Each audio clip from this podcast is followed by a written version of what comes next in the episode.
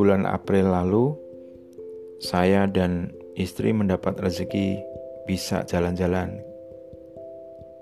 ke kota Sydney di Australia. Ini adalah salah satu kota penting dan cukup layak untuk kami kunjungin. Suatu ketika di antara sela-sela jadwal perjalanan itu kami jalan ke daerah bernama Katumba. Kurang lebih berkendara satu setengah jam dari kota Sydney. Di sana kami melihat satu jajaran struktur batu unik di hamparan tanaman eukaliptus yang dinamakan uh, Three Sister Mountain atau Gunung Tiga Saudari. Jadi kalau Anda ingin membayangkan itu adalah satu hutan eukaliptus di mana itu adalah habitat koala karena mereka makan daun eukaliptus itu dan di di antara hamparan itu ada tiga gunung yang tingginya kurang lebih sama. Makanya dinamakan Gunung Tiga Saudari. Dan orang setempat, orang lokal menamakan masing-masing gunung adalah Mihni itu 922 meter, Wimlah 918 meter dan Kanedu 906 meter. Berdiri di atas ketinggian Jameson Valley yang dihampari warna biru akibat reaksi kimia lautan uap tanaman eukaliptus dengan sinar matahari. Dan eukaliptus ini adalah makanan utama koala, hewan endemik benua Australia. Dan asiknya, ternyata di balik Gunung Tiga Saudari ini ada cerita. Jadi Alkisah, tiga saudari dari suku Katumba ini ditaksir atau dijatuhi cinta oleh tiga bersaudara dari suku sebelah, suku Daruk. Tapi adat melarang anak dan cucu dua suku ini saling menikah. Tiga lelaki Daruk yang sudah kepalang jatuh cinta ini ngotot dan memutuskan untuk menculik ketiga wanita pujaan hatinya. Eh, niat ini didengar oleh ketua tetua suku Katumba dan ini diartikan sebagai generang perang. Untuk melindungi tiga saudari itu selama ditinggal perang, orang pintar suku Katumba yang dijuluki Kurajuri mengubah mereka menjadi tiga gunung batu yang akan dikembalikan ke bentuk asal ketika nanti Kurajuri pulang dari perang. Namun, apa dinanya? Kurajuri ternyata terbunuh dalam perang Akibatnya, tiga saudari ini tersandra dalam mantra gunung batu yang tak terpecahkan hingga kini. Tiga wanita cantik bersaudari menjadi gunung batu dan tidak bisa kembali lagi menjadi wanita-wanita cantik. Mereka tersandra oleh mantra. Teringat kisah itu, saya tiba-tiba seperti diingatkan dalam dunia nyata banyak orang yang juga tak mau mengubah hidupnya bukan karena terperangkap oleh mantra kurajuri. Mereka menjadi gunung batu sepanjang hidupnya, tak bisa ke mana-mana karena terjerat mantra yang sering dilafalkannya sendiri.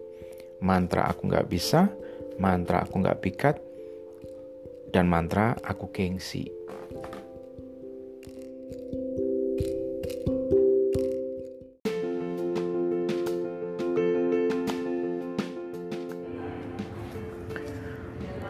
Karir saya di dunia perkoranan dulu dimulai dari bagian sirkulasi. Dan sirkulasi menjadi bagian yang tak terpisahkan dari 14 tahun karir saya kemudian. Ya, semacam mendarah daging. Apa sih sebenarnya pekerjaan orang sirkulasi? Dia bertanggung jawab sejak koran keluar dari mesin cetak, memastikan koran terkirim ke semua jaringan penjualan, dan pelanggan di seluruh Indonesia dalam waktu yang sama sebelum jam 6 pagi. Dan koran yang terjual itu siap ditagih oleh bagian keuangan. Bagian sirkulasi berusaha agar jumlah koran yang dijual selalu besar. Karena biaya untuk mencetak koran makin lama makin tinggi. Mereka dituntut harus kreatif menciptakan program penjualan, gimmick untuk pelanggan agar setoran tidak turun.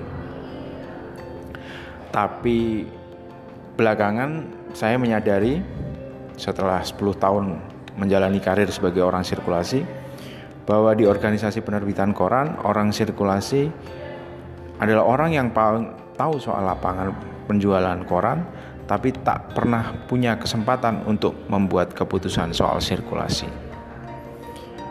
Ketika direksi berangkat dari rumahnya menuju kantor dan melihat pengecer di jalan tak membawa koran, maka buru-buru dia menelpon orang sirkulasi. Tolong besok oplah ditambah. Ini pengecer dekat rumah saya tak kebagian, demikian perintahnya. Padahal pengecer tak kebagian karena memang punya hutang sama agennya, jadi nggak dibagi koran. Tapi apa boleh buat karena bos yang minta cetak koran harus ditambah. Padahal sebenarnya belum perlu. Oke, kemudian ketika redaksi mewawancarai narasumber dan narasumbernya bilang tak pernah terima koran, maka wartawan akan telepon ke pemimpin redaksi. Pemimpin redaksi menelpon pemimpin perusahaan atau direksi dan bilang, koran kita nggak pernah sampai ke narasumber. Tolong besok dikirim ya, perintahnya. Maka orang sirkulasi akan buru-buru mengirim ke narasumber yang yang sebenarnya pengen koran atau majalah gratisan aja, nggak mau beli. Sementara orang sirkulasi berpikir efisiensi itu adalah mengurangi koran atau majalah gratisan ketika dalam rapat orang keuangan orang-orang keuangan bilang bahwa penagihan di agen seret akibat banyak agen yang telat bayar. Maka solusi yang mereka usulkan adalah memotong, mengurangi, dan bahkan menghentikan pengiriman koran ke agen. Bukannya mereka berusaha menggencarkan kegiatan penagihan, tapi minta jumlah cetak dipotong jumlah cetak dipotong berarti peredaran turun. Jumlah terjual juga berpotensi turun. Direksi cenderung setuju karena memotong jumlah cetak identik dengan penghematan biaya cetak. Salah kaprah. Belum selesai. Saat orang bagian umum yang mengelola godang mengeluh kepada manajer umum dan manajer umum melapor pada direksi bahwa gudang untuk menyimpan koran atau majalah retur cepat penuh, maka manajer umum dan direksi berkesimpulan bahwa cetak korannya kebanyakan sehingga hanya jadi retur tanpa melihat kondisi hujan atau Satpol PP yang lagi ganas menggaruk pengecer. Keluarlah keputusan cetak dikurangi. Sehingga orang sirkulasi yang seharusnya paling mengerti kondisi sirkulasi tapi sesungguhnya nggak pernah punya kuasa mengambil keputusan soal sirkulasi. Tapi orang sirkulasi macam saya dulu tidak sendiri. Banyak orang yang hidup tahu tentang kehidupannya, tapi tak bisa mengambil keputusan soal hidupnya sendiri. Hidupnya tergantung pada keputusan orang tua, mertua mungkin, atau bahkan bosnya di kantor. Kalau mereka tak berani mengambil keputusan untuk mengubah haluan, maka pilihan mereka punya dua. Dipaksa atau terpaksa keluar dari zona nyamannya. Dunia nyaman disuruh-suruh saja. Maka hari-hari ini penting untuk jadi orang merdeka.